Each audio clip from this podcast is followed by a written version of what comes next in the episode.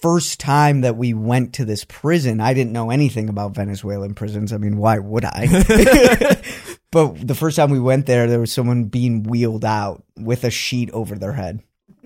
Um, and as they explained to me, as our I'm six- laughing at this Yeah. right now, but this is like super yeah, uneasy, this- I man. was like, whoa! I was like, that's not good. On the 79th episode of Passion in Progress, Emmy winning producer and sports executive Yaron Deskalo. Yaron founded SoHi Media back in April of 2017, and since then, he has worked on huge projects for NBC, ABC, ESPN, Fox Sports, the Golf Channel, and most recently, he's producing the podcast Sports Wars by Wondery. Previous to his endeavors with SoHi Media, he was a producer and showrunner for ESPN and Fox where he won six Emmys. Let me tell you that you guys are in for an amazing podcast because Yaron has stories for days. And not only that, but we take you into the production side of things as well. And I ask him about what it looks like behind the scenes to achieve some of these quality pieces of content. And I should know because I had the privilege of working with Yaron on an esports documentary for ESPN earlier this year. I wanted to have him on the show to just show you guys what it's like behind the scenes and what the role of a producer is in terms of a production. If you guys want to hop around to any part of the podcast, if you're watching this, I will put the show notes with time codes in my description and in the first comment. And then also the show notes will be available to those listening on my website, javiermercedes.com. Don't forget that if you do get value out of this show, you can support me by sharing it out and tagging me at Javier Mercedes X. I also have my Premiere Pro preset pack that helps you animate titles on and off screen for all of those video editors out there. And I'm on Patreon. Any little bit helps, and I'll have links to all of that stuff in the description below. Without further ado, let's hop into the 79th episode of Passion in Progress. What is up, Mercedes? Javier Mercedes here for yet again another Passion in Progress show, where we talk to inspiring individuals and hopefully through hearing their stories, you too are motivated to go out and pursue your passions. And on today's show, there's a little somebody that knows a little, just a little bit about stories. Yaron Deskalo, how's it going, man? Good. How are you? I'm doing so swell. Just from people like Aaron Rodgers to Ninja and everything in between. I uh, had the pleasure of just going through your back catalog of what you've done here at SoHi. Mm-hmm. But that's just a little bit. Little you bit, yeah. were at Fox and at ESPN. Yep. Emmy nominated, Emmy award winning. Give a an overview of what you're doing day to day because I just want to give the audience Sure. a um a grasp of the kind of productions that you're putting on. Yeah. So, you know, as we speak right now, we have a couple things in production right now. Um, one of which that takes up a lot of the the daily uh, tasks of mine is a podcast that we um, executive produce here in this Sports office. Wars. Sports Wars, yeah. I'm a So- huge fan of Business Wars, and then I once I found out that you guys Yeah. were doing Sports Wars, I was like, "Whoa!" I listened to uh, Tyson and Holyfield. Holyfield, yeah. Yeah. So that one just completed. I think we have one more interview episode with Sugar Ray Leonard that's going to uh, air this upcoming Wednesday. Um, and then we move on to Subway Series. So that that's been very much of kind of the the day to day stuff because it's an always on show like Business War. So Yeah. uh, we have two episodes every week that drops. We've finally got into a, a pretty good flow where I think we're 53 episodes in to the series, which launched in April.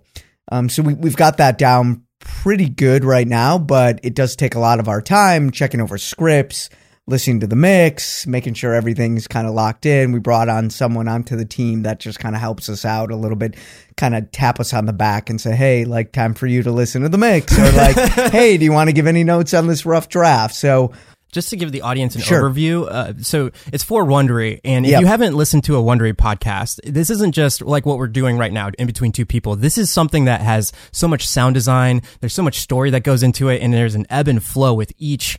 Uh, episode. I'm assuming you have a big part of that. Can you go into detail what building an episode of that? Say it. Say it's for the uh, Mike Tyson and Holyfield. What does it look like from inception to completion? Like how how do you create the script for an episode? Um, are you writing that kind of stuff? Are you just curating and making sure like this is something that would look neat for a podcast? Like how does that look from your perspective? Yeah, so um, you know, sometimes you even have to back up a little bit to when we actually decide on a specific arc, right? So Yeah, Tyson yeah. Holyfield, right?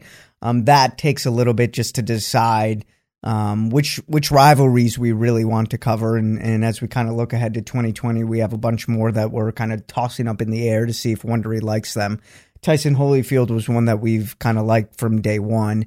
Um, and really, the way that it starts is either a writer or uh, between myself and the other producer, Gabe Goodwin, whose company Blue Duck co produces and, and, really produces it as well. Um, we decide on an arc and then we bring on a writer. Um, mm-hmm. And that writer really is the one that, that kind of takes the first step to put together a pretty co- comprehensive outline. Um, putting together an outline, not unlike writing a term paper in high school um, or a book report, right? I mean, it really goes back to that. And, mm-hmm. and Wondery really taught us that from day one that the more comprehensive that outline is, the better that the arc will be and the easier the process will be for the writer and easier for us to kind of see the gaps and the holes and the storylines and the themes that we want to push out. So once we get a writer on board, we really task them to spend two to three weeks really to dig in and read because we don't expect people to immediately be able to pick up Tyson versus Holyfield or Clemens versus Piazza. Um, mm-hmm. They might have a passion for it, but ultimately they want to read a biography. They want to read a lot of articles. They know the key moments and they want to, you know, read multiple sources um, watch back the fights themselves. So we, very in depth. It is. it's super in depth. I mean, in in many ways, we have to be the authority on that. You know, mm-hmm. we don't want to make any of those mistakes. And certainly, Gabe and I, who um, have been at ESPN and been at Fox for for 15 years, you know, we know that it's important that you know we need to be the authority when we're putting those types of podcasts out. Now, there are other people that are going to be experts on their lives, but at least in terms of the format that we're telling with Sports Wars, we want to tell it the right way. So two to three weeks really goes into that mm-hmm. um, of putting together an outline, and then we'll we'll kind of weigh in on the outline and from a story perspective. Uh, we typically have a pretty good sense of the arcs that um, we choose and we have a passion for it. So we have a sense of where we want to go, but we're learning things sometimes. Oh, we like didn't realize that, you know, Tyson was in this school or this youth academy or it was this guy yeah. that pushed him to Cus D'Amato. So we try to take an open mind when we um, read those outlines and just think of it from a storytelling perspective.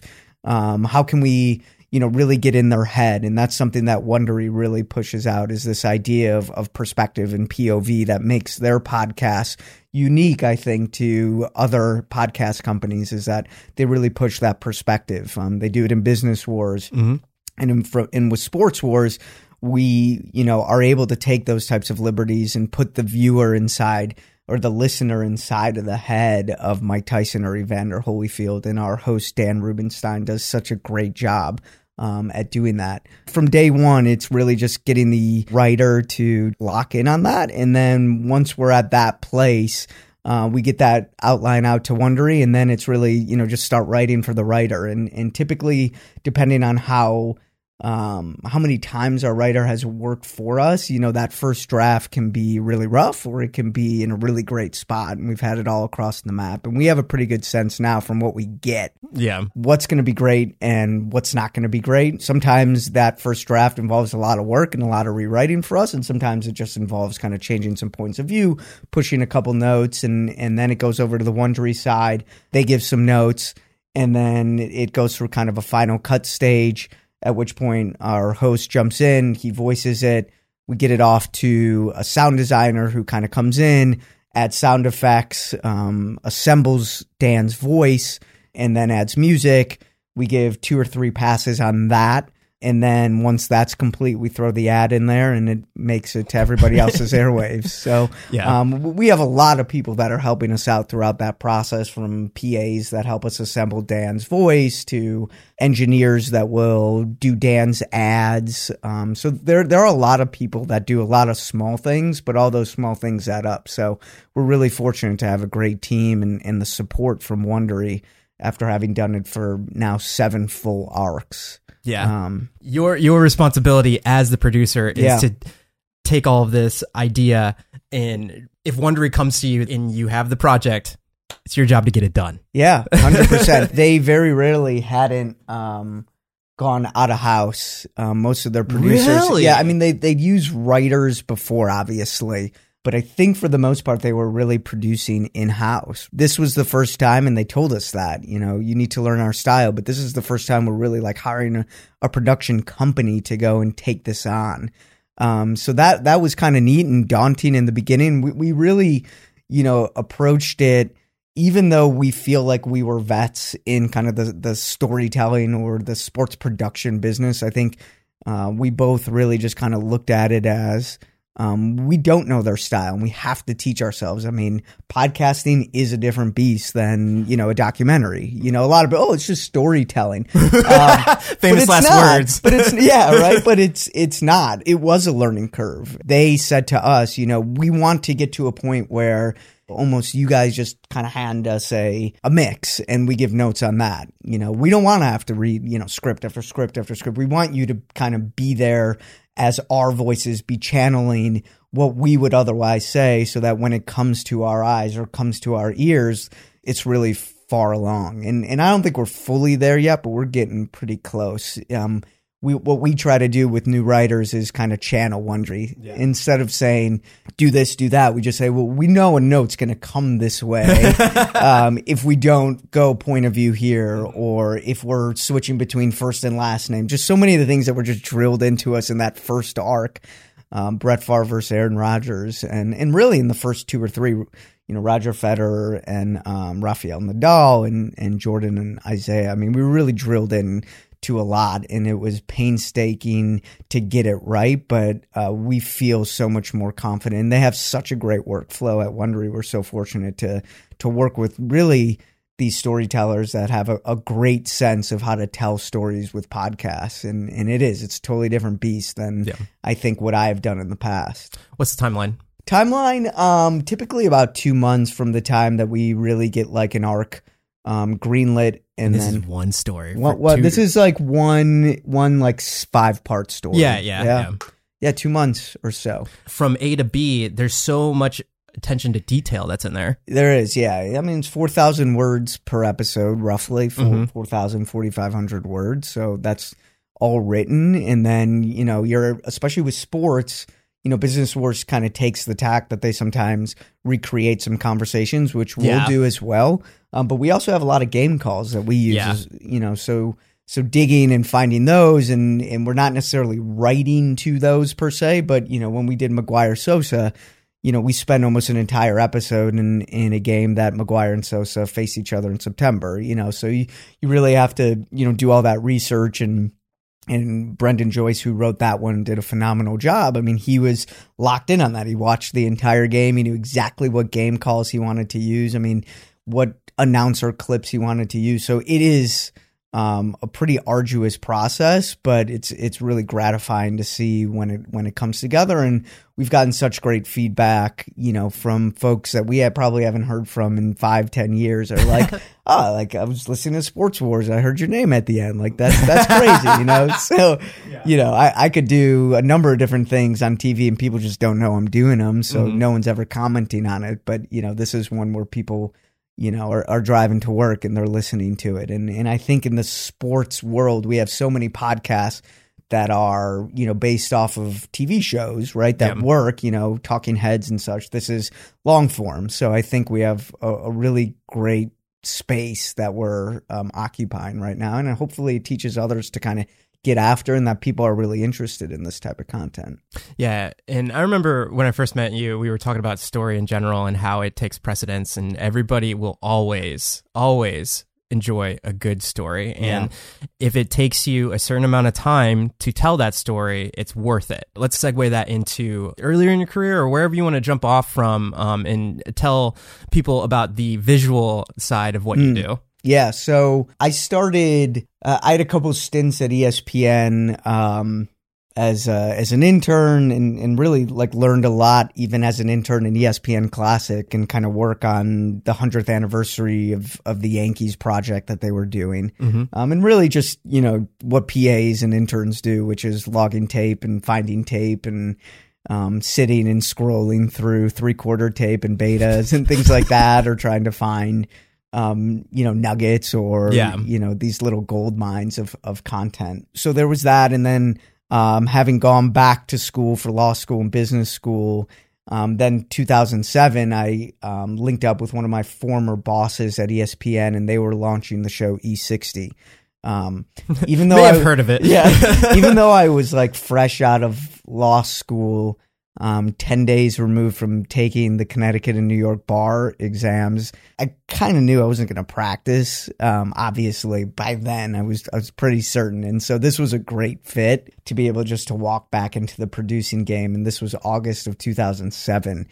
Um, and, and E60 was was launching that fall, so it was really neat. Um, That's awesome. Twelve days later, I was in Spain working on a story on uh, what we called baby bullfighters, which were um, kids that fought bulls. Uh, yeah, which was which was an awesome story. Um, yeah, I our, imagine. our main character was uh, a bullfighter named uh, Jairo Miguel, who was actually from Spain, but was fighting out of Mexico um, because in Spain you couldn't fight bulls until you're 16, and he was 14 at the time. Um, but he had this really gruesome injury that was caught on film when he was trying to do uh, a type of trick with the bull coming right at him. He was on his knees and kind of holding the capote, and like the bull's torn went right through his sternum, and he, he survived. And so we we ended up kind of telling the story, and it was you know in some respect a little bit about not necessarily child abuse per se, but like you know should these kids be uh, bullfighting? So you know the visual side of things. I remember going over there, and we found like you know, I, I was never accustomed really to kind of the bullfighting world. Um, but being there in Spain and going to them, and, and this was, you know, 12 years ago, this is not a discussion necessarily about PETA or animal rights. yeah, I'm just, yeah. I'm just simply talking about what bullfighting is to the people that do like it. Um, but it was like an opera. It was like going to a play. You know, I, I didn't expect that. You know, people dressed up and like, you know when they were about to kill the bull like everyone's like completely silent and it's it's very much like um some big moment is happening in theater. Um so we you know as far as like the visual side for us like we thought about how are we going to tell this story in a way that um you know exhibits that. And we we got an artist that we found in Spain to kind of help us as as kind of this visual thread to you know paint that was kind of moving us through this entire you know feature that we did that ended up being 12 13 minutes. And and E60 did such a great job from day 1 saying that they wanted to have the journalism that 60 minutes and outside the lines had um, but they wanted to take some risks visually. And they always pushed us to find ways to visually tell the story. This was not about you know your your b-roll of the character being them walking down uh, the hallway with your talent. This, this was not what that was. This was, you know, You find. just described so much sports B-roll.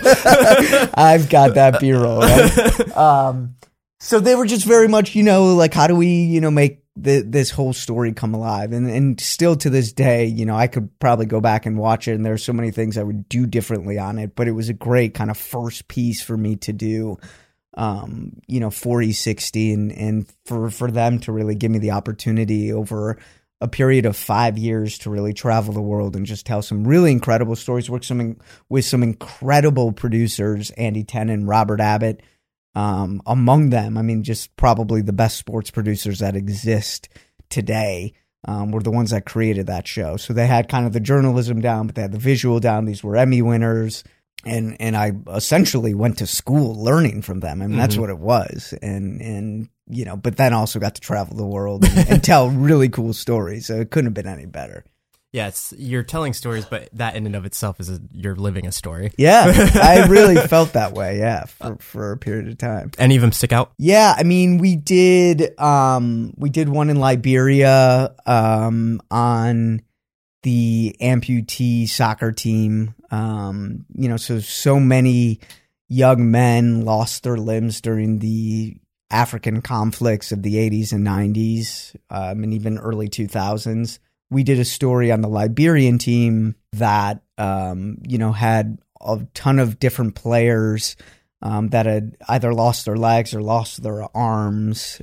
Uh, the the story and the characters that we focused on there specifically were a goalie Joseph who was a child soldier and had his arm blown off um, from an RPG, and then on his team was a, a striker by the name of Richard who had lost his leg in a fairly uh, infamous church massacre that happened in Monrovia when he was an infant, um, and people didn't think he would survive because they chopped off his leg Well, literally. infinite. Jesus. Um, so he kind of grows up and and without with just one leg, and you know, um, over in Liberia, being uh, an amputee was a, a reminder to a lot of people of what the wars were, and they were brutal in Liberia, the civil wars. And so, so many people didn't give the amputees any type of respect as a result of that, right? Because of what had happened to them. And it just reminded people of, of really the terrible time. So, anyhow, this team ends up winning the African Amputee World Cup, which is among all of the um, African nations that had competed that had amputees, um, and it was a it was a neat story between these two guys who again were essentially on opposite sides of the war, um, but were playing for the same team and kind of trying to unify uh, a heel nation. So that was really incredible to go to to Liberia for eight days and had an incredible crew. Greg Herdeman was my DP out there, and we just just immersed ourselves in kind of the story. And and then when we came back and had all all the goods, uh, Paul Carruthers was our editor, and we actually got Nas to voice it for us. That's awesome. Um, which was which was great timing because he was coming out with an album um, with Damian Marley about Africa. Um, so it was really like perfect timing. He voiced it, and then we end up winning an Emmy for it, which was just really cool.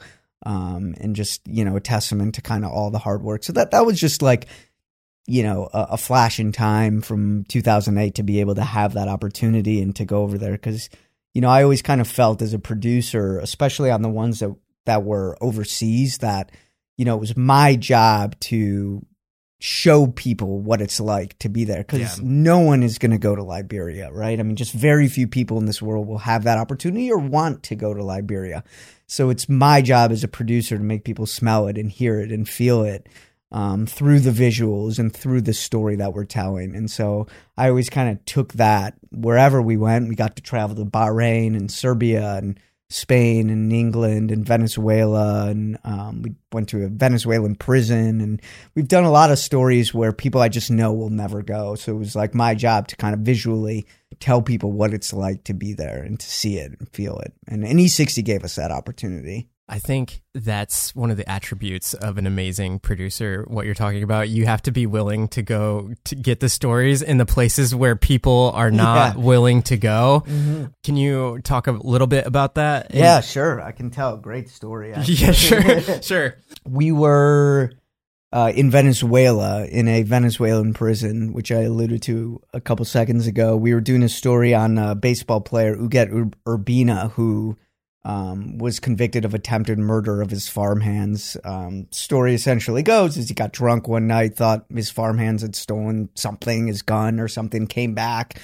Um, and lit him on fire. You know, poured gas on him, lit him on fire, and then this I went completely where I didn't see yeah. this going. Wow. so he, yeah, so he, I think, came to his senses and let the guys like jump in the water in his pool, but not before they, you know, they survived, and then obviously turned him in and he was sentenced, I think, to 14 years in a in a Venezuelan prison. Venezuelan prisons are pretty interesting.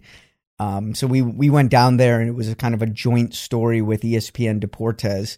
Um, and I went down with with my reporter Jeremy Schaap, who I did so many of these great stories with, and and is by far the best sports correspondent ever.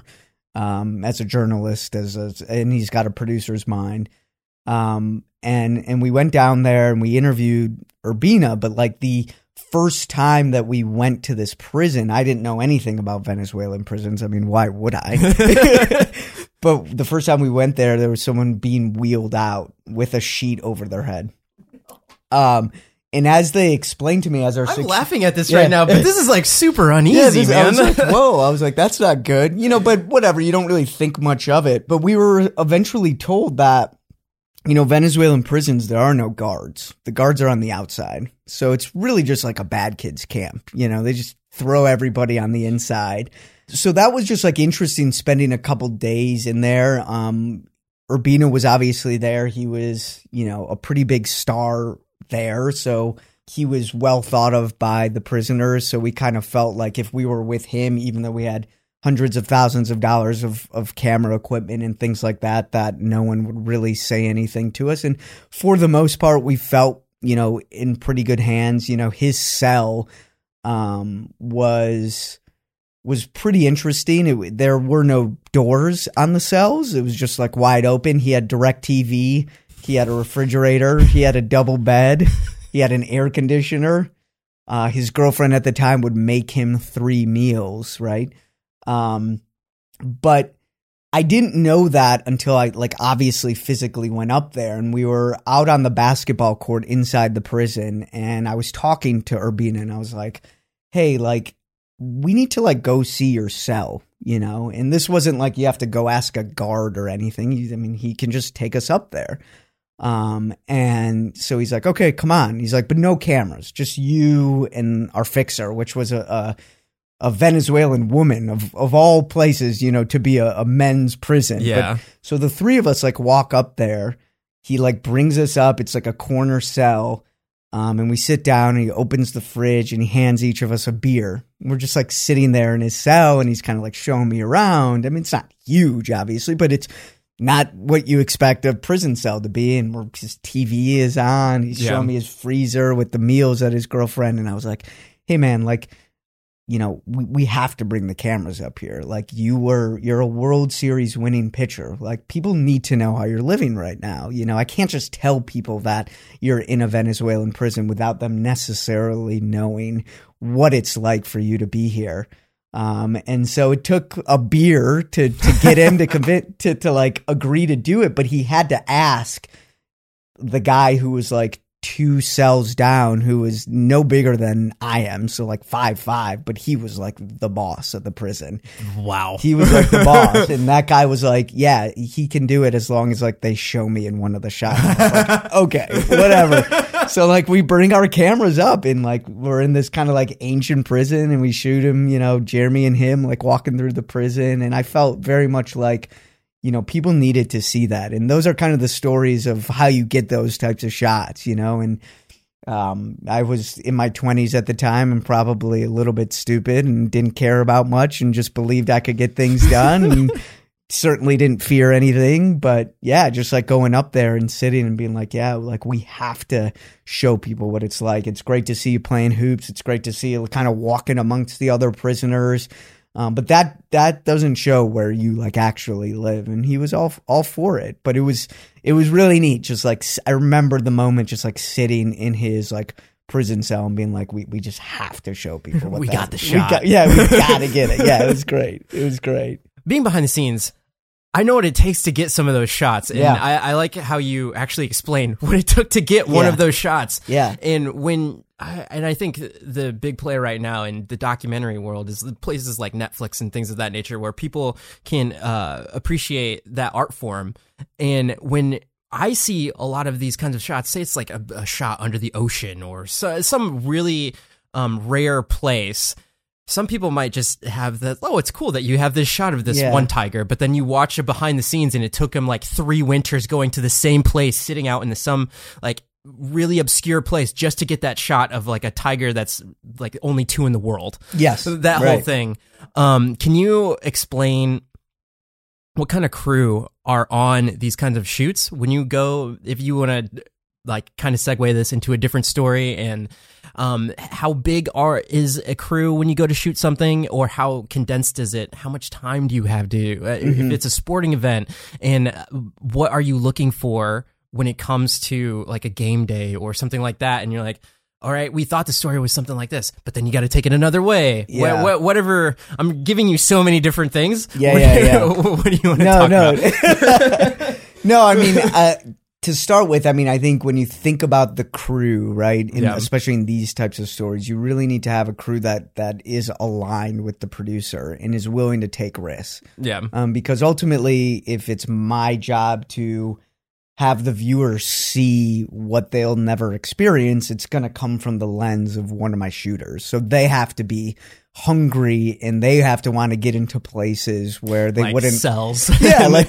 like they have to be unafraid to to to do those types of things. And so many of the ones that, um, for example, the one in Venezuela was was a crew, Joe LaMonaco, who you know back in the day was like one of the networks, like you know DPs that would go into war zones in you know um, Central America. So he was accustomed to that, you know. Um, they're accustomed to going into places. You know how y- you, as an editor, you know um, that just like producers, like there is kind of a little bit of a box that you can say Yeah. like producers are like weird like this or sound designers are weird like Yeah. like shooters are by their nature the best of the ones are by their nature a little bit crazy Yeah. um but really confident and like no they need to get the shot i mean no different than probably photographers have always been since the art form began it's like you're only as good as the shot that you get so like you have to go and go and get that shot and i think everyone that naturally holds those cameras know and now the cameras are so much lighter and thinner and easier to like get into spaces that you wouldn't otherwise get into. But um, we, we've had so many opportunities where we've um, you know been in places where um, for example we were in serbia at one point and we were trying to uh, get an interview with a um, basketball player who he had fled the country. He was on trial for felony assault, and his mom essentially got him a um, passport to get him out of the country and back to Serbia. And so we flew to Serbia to try to find him and do an interview with him. And, and we thought we were going to get an interview when we got on the ground. His lawyer was like, Yeah, yeah, I'll give you an interview with him. And then, like, they flaked. And so I was like, You know, screw this. Like, I know where he is because I knew he was playing for like a second tier basketball team in Serbia. So I like made a couple phone calls to like the one person in This Serbia. is why they hire you. I made I made some phone calls to like the one guy who was doing like you know had the Euro League basketball homepage of Serbia and updated it because he cared about Serbian basketball. I knew what team he played on. I knew where they practiced. Mhm. And so we just like went up one night. We knew they were playing one night. And so I was like, he's going to come here. So like we're going to set up one camera here, and like one camera over here, and then I'm going to be on the third camera. Um, and when he comes, like we're going to get our moment of not necessarily the ambush, but like the question, like, why did you flee the country? What do you have to say to Bryan Steinhauer? And Mhm. so we we did that, and I remember, you know, he was six nine, um, two sixty, That's no and small he and he was he the, the crime that he had committed was he had essentially stepped on somebody's head for 30 seconds with his like size 16 sneakers and knocked that kid into a coma for two months um, and essentially you know created permanent brain damage for this kid so i remember when we saw him we were very much like uh, okay, like it's on, like here he comes. and I remember I was like the guy with like the mini DV camera. This is 10 years ago, like standing in front of the door, uh, of the, of the basketball arena. And that's where he needed to go. And I was like, I'm not moving. I'm not moving. I'm not moving. I'm waiting for him to come. Like until this like Hulk of a guy who like literally could have just like pushed my head through the glass, but him like coming right at me. And so getting that type of shot. So, um, you know, having a crew that's unafraid to to take those risks as well, a reporter that's unafraid to take those risks as well.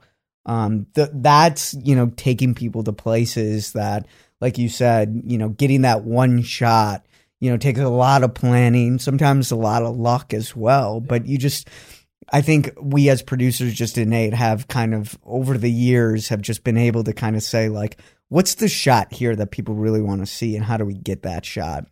And it never seems to work out exactly the way you want it, but it does if you plan it the right way. You put yourself in the best position, I think, to succeed and get what you need. Can you talk about what you do versus where I do a lot of my content, YouTube and everything? Can you talk about the differences there and why? I mean, I love quality so much, but can you explain what what's your drive there? What's your passion to continue to do the kinds of stories that you're doing? I mean, just from the references that you're bringing up, it's very deep. It's very like dark stuff sometimes. What you're the stuff that you're covering. Why is it so important to you? Yeah, I mean, I think I definitely think it's it's evolved. You know, I mean, E60. I think based on my background, I, I had a little bit more of a sense of kind of the the journalistic, investigative side, and was was kind of unafraid to go down those routes. And um, having put myself through law school, um, I think I could read a document fairly quickly, so I understood. I think you know when there was something that had a little bit more meat on the bone, it, it wasn't necessarily intimidating just because, you know, having gone to law school, you it's just learning a new language anyhow. So um, I think that was very much what I had done for, you know, five years. I think since then, I think it's it's very much been a different type of producing. I mean, the thing that we worked on together was was more esports driven. Yeah. We do a boxing show now. I think it's always important to get people hooked and I think there's always that just unity of story. Yeah. Um some of it can be dark and and scary and investigative and getting the the crazy shot, but um they all kind of have the same type of tenets. We do a boxing show where um, we get the two guys to sit in a room before they're about to fight, and you know whether they talk shit to each other or not, but just like getting them inside of a room, and we have kind of crafted the show where we get each of them individually and kind of the car ride on the way to um, the event, and I think.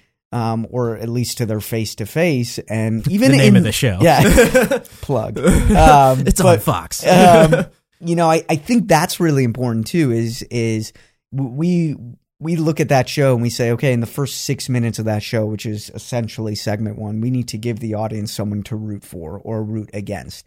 And I think that that's just the same. That's what we all do in sports all the time. It's when we're watching a live event, you know, they're pushing storylines for you to pick who to root and who who to root for and who to root against. And I think um, what I try to do more than anything is assume that my audience doesn't know a ton about um, either subject or either team and try to get give them a sense to know like get them give them a stake into why they should care or not care or why they should care for somebody whether it's positive or negative.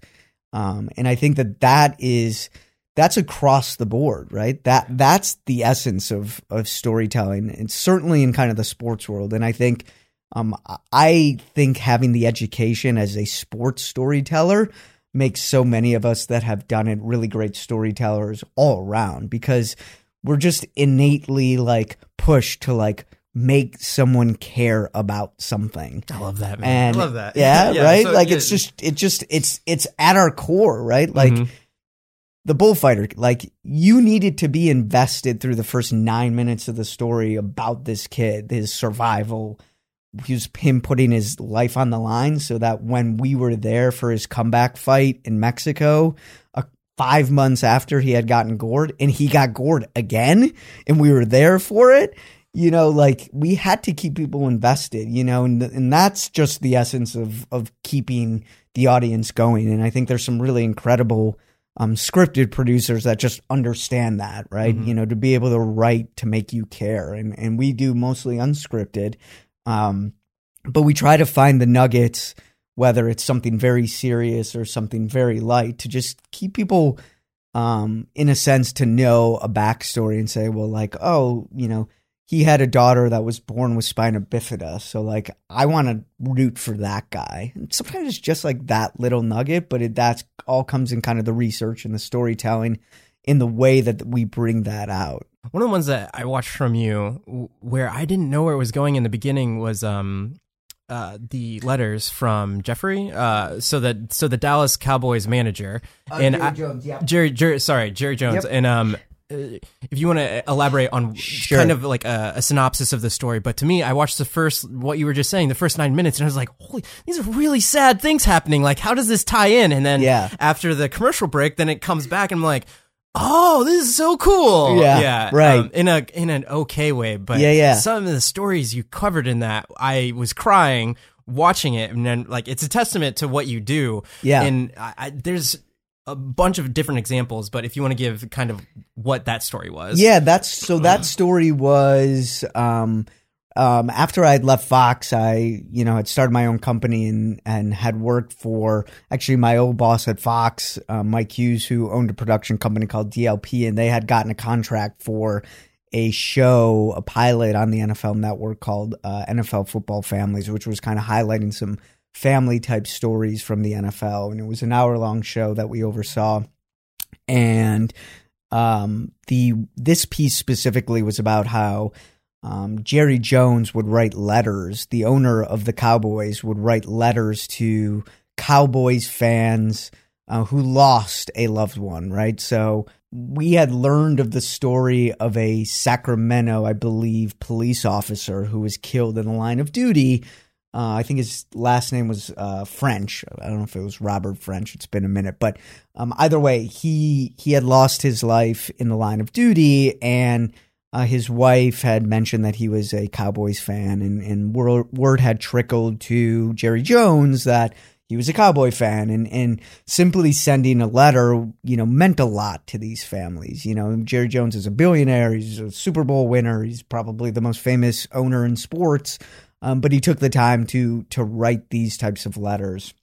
Um, and, and we started to find that more and more often. There was a, a teenager here who was murdered and no one really knew what happened uh, in santa monica and his family they were huge um, Cowboys fans, and and they got a letter and a signed ball from him. It was like this, I The, they couldn't believe the one, the one with the little girl, And the little girl. Savannah. I was In like, Savannah, oh my right? gosh, Right. that in you.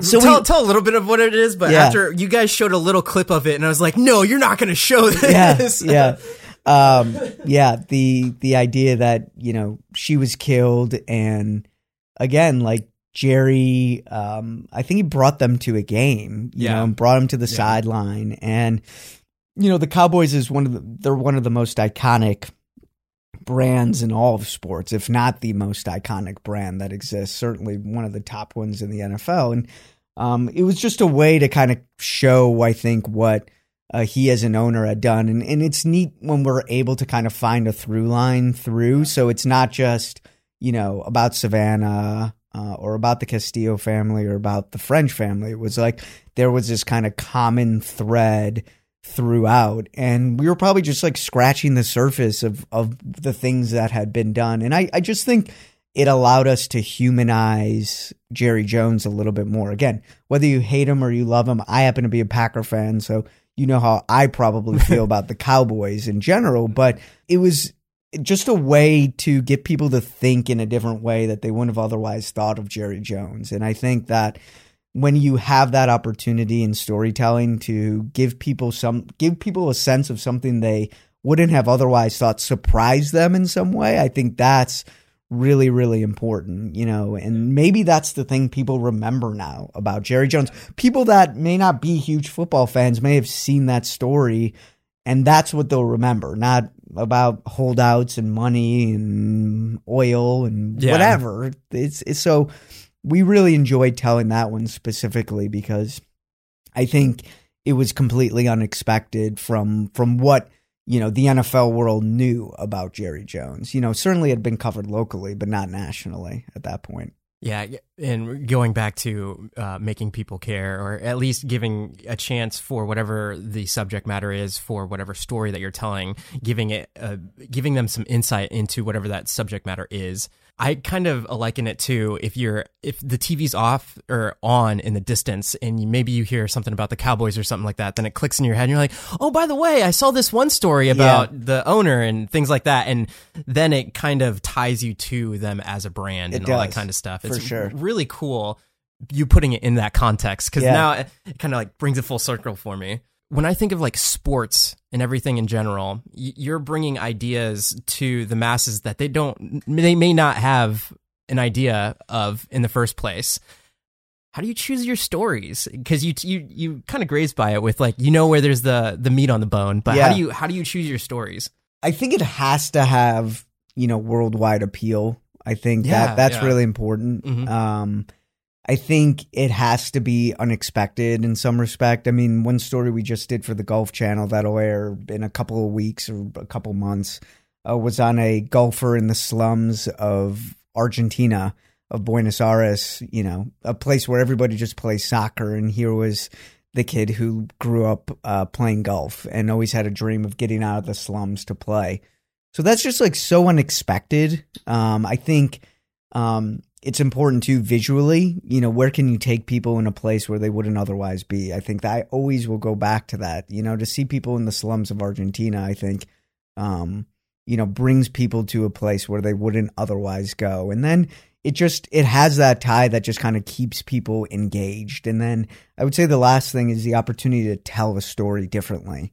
um, and not just do it the, the traditional way. I, I kind of feel like some stories demand that you just, you know, tell them in a way where you have a reporter or a voiceover that get it done. And then there are others that allow you to take a little bit more risk in terms of how you tell that story, whether you script it out, um, whether you use first person, whether you use other people to kind of tell the story, whether you use a celebrity voice. So um, I think if I can kind of take um, one way that I, or at least I approach stories now, I think that's that's very important, right? But um, you know, the the the piece that we worked on um, in uh, the Apex um, documentary, Legend. Yeah, yeah, yeah. the Apex Legends documentary that we did. You know, I think we were looking for specific stories that would you know jump off Mhm. the page that just would again make people like who do i want to root for And you actually had an idea. You had an idea of some people, but, Some people, but right. going there and actually Yeah. during the event, you started to formulate more. yeah i mean i can remember the moment we were uh, one of the first nights i think it was right before the tournament started or the, the a couple days before um, and we were just meeting some of the guys i mean there were 60 um, gamers playing in this tournament and That's a lot to keep track of. Yeah, and and we had a sense from you know talking with EA and ESPN about um some people we thought we might want to cover um just based on their kind of storyline. But I definitely felt comfortable going to the event and saying, okay, we're gonna do at least three backstories, two of which I have a pretty good sense of, and we'll shoot beforehand. We'll shoot the best player, and we'll shoot a guy who you know is kind of a legend in the sport but the third story we have a couple ideas but let's let's see what happens let's meet people you know nothing better than just like getting to meet people and and so we had this opportunity to um go to like a just a, a basketball tournament um not a tournament, but just like a pickup game, you know, one of the nights, you know, this whole Between the community. gamers. yeah, between the gamers. They were just, you know, getting out. They were just Yeah. hanging out like, hey, 20 of us just like we got nothing else to do. Let's just like go play hoops. There's a there's a court and I remember we were walking with the guys and and they were just kind of walking to the court and one of my producers who worked on it, you know, started, you know, talking to one of the gamers who was talking about how he was homeless and you know, Ding. the, yeah, the light bulb just went off, you know, and it was like that we we just got to go we just got to cover this guy. Well, what's his story? And we we start to learn a little bit more about him and and then you just kind of you, you get your laser focus as a Yeah. producer and you just say, okay, like what do we need to tell this story? We got to get him to sit down. We need to talk about his life. We need to, you know, ask him about his life. We need to, you know, focus on him. We got to wake up in the morning with him, go to sleep with him, you know, those types of things that give you that all access type of feel.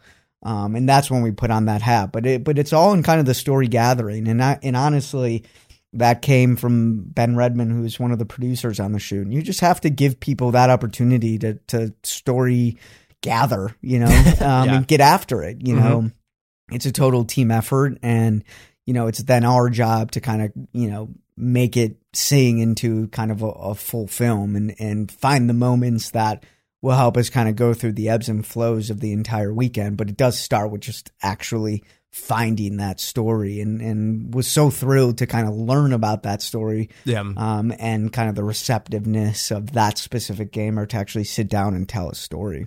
And then throughout the arc of the actual games, it actually turned out that he was finishing in a good spot. Yeah. So it's like, whoa, Yeah, we yeah, have a we have a climax here and all this other stuff. You yeah, know? we we yeah. If you talk to some of my shooters, they sometimes seem to like believe that I have this like ability to like play marionette and get get things. We we did a we did an event in May where you know there was nothing else that we wanted more than these two collegiate esports teams to play each other in because the semifinal following them.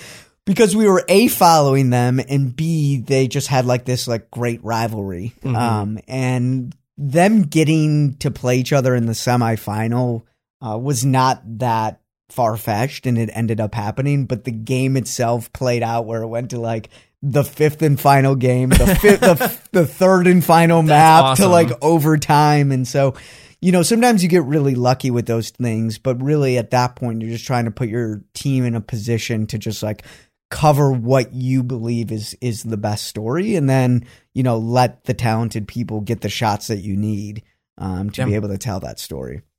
this this touches on, and I think it's a theme that we've talked throughout the podcast. But uh, a lot of like solopreneurs and entrepreneurs listen to the podcast, and I think being a producer and a director in your position lends itself to uh, delegating Mm-hmm. and, like you've been saying, really trusting your team. Can you Yeah. talk in a little bit about that and how it formulates itself throughout a production? So, like when you're out at the production, there's the shooters, and then you have the PAs and other things like that how do you formulate a good team and how does that manifest itself? Yeah, I mean, there's a lot of elements that go into it. I think, you know, just on kind of the bare bones level, formulating a great team, I think you, you try to work with people that you've entrusted before that have delivered for you. So it always starts there. Um, oftentimes we have to bring on people that we've never worked with before. And, and I'm very much a believer that if someone I trust vouches for somebody else, whether I know him or her or not, um, I'm going to hire that person. Um, if if someone says that person's going to be great, trust me, I've worked with them. That's sometimes all I need, and and I very very rarely get burned, you know, in that. So so there is that, and then I think, you know, as a producer um, and a director in some of these things, I think we need to take ownership first and foremost. You know, we need to believe what we're telling before anybody else is going to believe in it. Um, It's our- powerful. it's it's our job to because if the people that are working for me or with me really uh, see that I might not be fully invested, then they're not going to be fully invested. Um, so it's really my job to do you have a specific example of that? Because I I, I want to.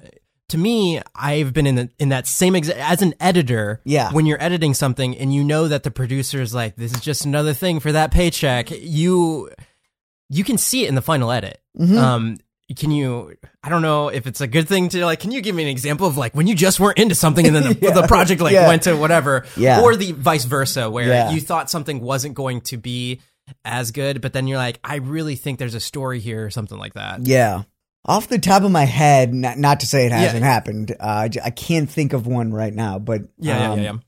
but come back to me on it. But but you're absolutely right. I mean, just the idea that like when you are just kind of like mailing it in, and then all of a sudden the product doesn't come out the way you want it to be. I mean, yeah, right. Like Mhm. no shit that that happened because yeah, because yeah. you weren't invested in it, Mhm. and people are only going to be as invested as you are. Um, but I, I think that it always starts there. It, it because people are looking to you for direction. You Mhm. know, um, we very much when when we're in the field and back and at it, we we delegate, but at the same time, everyone's voice matters. You know, so if you can get people invested, um, you give them the opportunity to contribute um, in ways that are extremely meaningful. Um, and because I can't be in four edit rooms at the same time, you really have to trust people um, to kind of take the vision. Um, but you also have to be really effective in the feedback that you're giving people um, and not flip flopping. I mean, we've all had managers before that, you know, come in and say one thing and you do it, and then they come back two days later and they tell you the opposite. And you're like, well, this is absurd. Like, Sometimes you need to see it in the edit a certain way to be like, well, that definitely didn't work Yeah, out. yeah, Sorry exactly. you spent the last two days Yeah, doing that. right. We're going to go a different way. and, and I feel like you know, there's nothing more frustrating when uh, it's always been this way, right? But there's nothing more frustrating when, um, you know, you get notes on something that's like, yeah, just like tweak that music edit, you know, like, just can you trim off that last ten seconds? Uh, of this section, Yeah. which in, or or cut out ten seconds in the middle, right? then Screws your music, everything, everything. right? It's like, Yeah. and, and so I have a pretty good sense of like what, um, you know, what changes mean what, right? Yeah. Like 10 seconds doesn't mean 10 minutes sometimes. 10 seconds can mean a half a day of edit.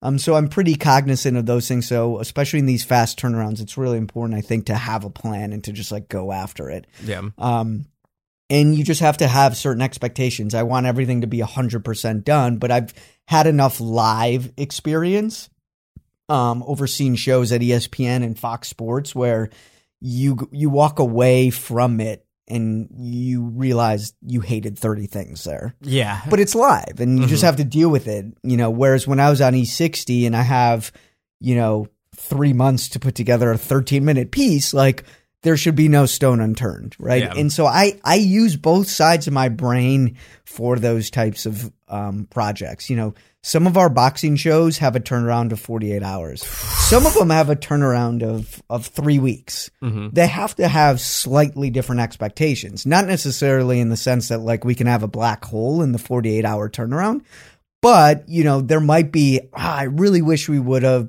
changed that music right there. I really wish we could have continued cutting cameras right here. I really wish I would have asked this question. Mm-hmm. Um, and so you have to have those. I think experience helps bring a lot Oh, yeah. of that in there.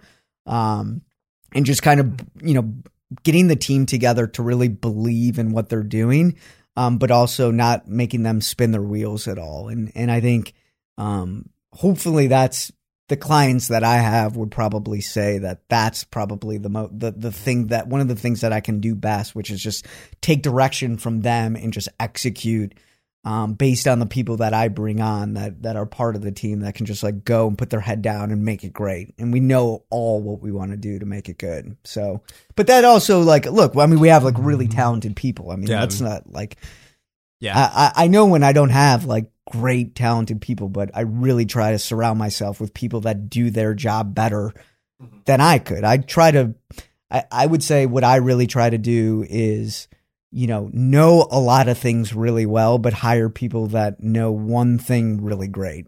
You know, be able to speak the language, Just right? gonna chop that little soundbite out there and like, there's Yeah. a great part of the podcast. yeah, right. But you know, I mean, it, it, it's it's just knowing. I'm not gonna be able to sit and edit like you can edit. Mhm. You know, I'm not gonna be able to keep up with you. But if I can understand what you're doing and I can watch your fingers moving things, I can say, no, no, like move it two more frames that way. Mhm. Um, or if it's music or if it's shooting, like again, I can't, you know, shoot a red camera anywhere near the DPs that do it, even the second cameras. But if I can understand it a little bit and speak the language, then I don't at least like look like a fraud to these people. I'm fully cognizant to say to people that you do what you do better, but I want you to do what you do better. And I think that was something that um I I take a lot of pride in is is you know finding people that own their space but in what I as a producer I think the best of producers are ones that can speak all the languages but bring on but understand who is really great at what they do and bring those people on and empower them with clear direction. That's a, so. I was about to say that exactly. What I think awesome producers do is they have that capacity to look at an edit and have the most efficient way of saying, "All right, these are the things that we need to change X, Y, and Z. Yeah. Let's do that." And just like you said, you have also the uh, the knowledge of it's going to take maybe this to do this kind of thing. So I'll let you to your devices to do that thing, and then I'll go on and move to the next Yeah. thing. The other part too, um, just working on the one project that we did that I loved is that you you have uh, the different processes there, and this gets back to uh, letting people do their single um, task. Is just the idea of script writing and then writing the stuff for the VO in the background. You get an idea of what you want written on the page, then you send it off to somebody to be like, "Look, make sure that this is said well." It's Yeah. just like, like you're even down to that level Yeah. of just the scripts themselves, and like, here's a guy that really knows how to do VO. Yeah. Send it to the guy that does VO. Here's the person that does coloring, Yes. um, sound, and all those kind of things. And then, as I uh, said, probably in the very beginning of the podcast, the producers like can get all of that done, and they oversee everything. So I'm I'm just trying to paint a picture for the audience that doesn't know all the spectrums of the role. Another thing I wanted to point out too is that you said the words um, uh, your position is somebody that looks to you for direction, a director, and uh, also that you need to execute, executive producer. Ex- and it's like, oh yes, these come Yeah, with the title, right, with the yeah. title. Um, let, us start to wrap it up. Two questions I ask everybody at the end Yeah. of the podcast, um, and I think you kind of covered it. I, I normally ask why do you do what you do, but I think you kind of covered that. So what I'll ask is, in order to get to where you're at today, if somebody was graduating college Mm-hmm. and they wanted to get into sports producing, Mm-hmm. um, which I know is a very competitive thing to do, Yeah. what's the best piece of advice you could do, or that you Um, could give them? Sorry. Yeah, so I think I think there's a couple things. You know, Mhm. I mean, times have changed from when I was in college, right? Um, Yeah. Editing software is a lot more accessible. Shooting is a lot more accessible. Um, I would say, from a practical level, being able to edit and even shoot is really, really important. Even Yeah. if your first job is going to be to log tape, to know that you know how to edit um, is already telling someone that you um, have a producer's mind. And I think Mhm. that's just really important because so many of the people that we bring on at kind of a junior level here, I mean, editing is like the most important thing, right? Um, even if it's just assembling Sports Wars, right? Taking Dan's VO and being able to just like chop up and get rid of the the ahs and the ums and the and the bad takes. And that's Yeah, that's yeah. as simple as just opening Premiere or Audition and, and doing that. But you'd be surprised how many people can't do that. Mhm. Um, so I think on a practical level, if if you want to get into that space and you want to be a producer at one point, it just goes to speaking the language. I I feel like I miss that a little bit because we were doing a different type of editing back. We were doing tape to tape editing back in the day. Now now that's easy. I mean, it, Premiere is not. Uh, or, or Avid or whatever you're using or DaVinci, like it, there is no barrier real really to entry. I would also say no people. Um, No people. yeah, it, Yeah. it that's hard, right? But in the same way that I was just explaining how, you know, I'm going to hire someone based on a personal recommendation. hmm I mean, that's what you want to be that personal recommendation. And that only happens through, you know, people that you know. Um, if you don't know anybody that's that's not a non-starter, um, that would go to the next thing, which is just like try to get to know people. Like cold call, cold email. Um, I, we have to do it all the time as producers, right? I mean, when we're calling a subject that we want to sit down and interview, like we're just calling, hey, like I just want to talk and I need you to sit down for an interview. And you'd be surprised, you know, how most people really let their guard down. Um, you should work on being persuasive. I think that's really important as well in this business. Oh yeah, for a producer Yeah. for sure. yeah, you just you really just need to you need to get shit done. I mean, that's Yeah. what a producer is. Is is just somebody who gets shit done. Mhm. Um,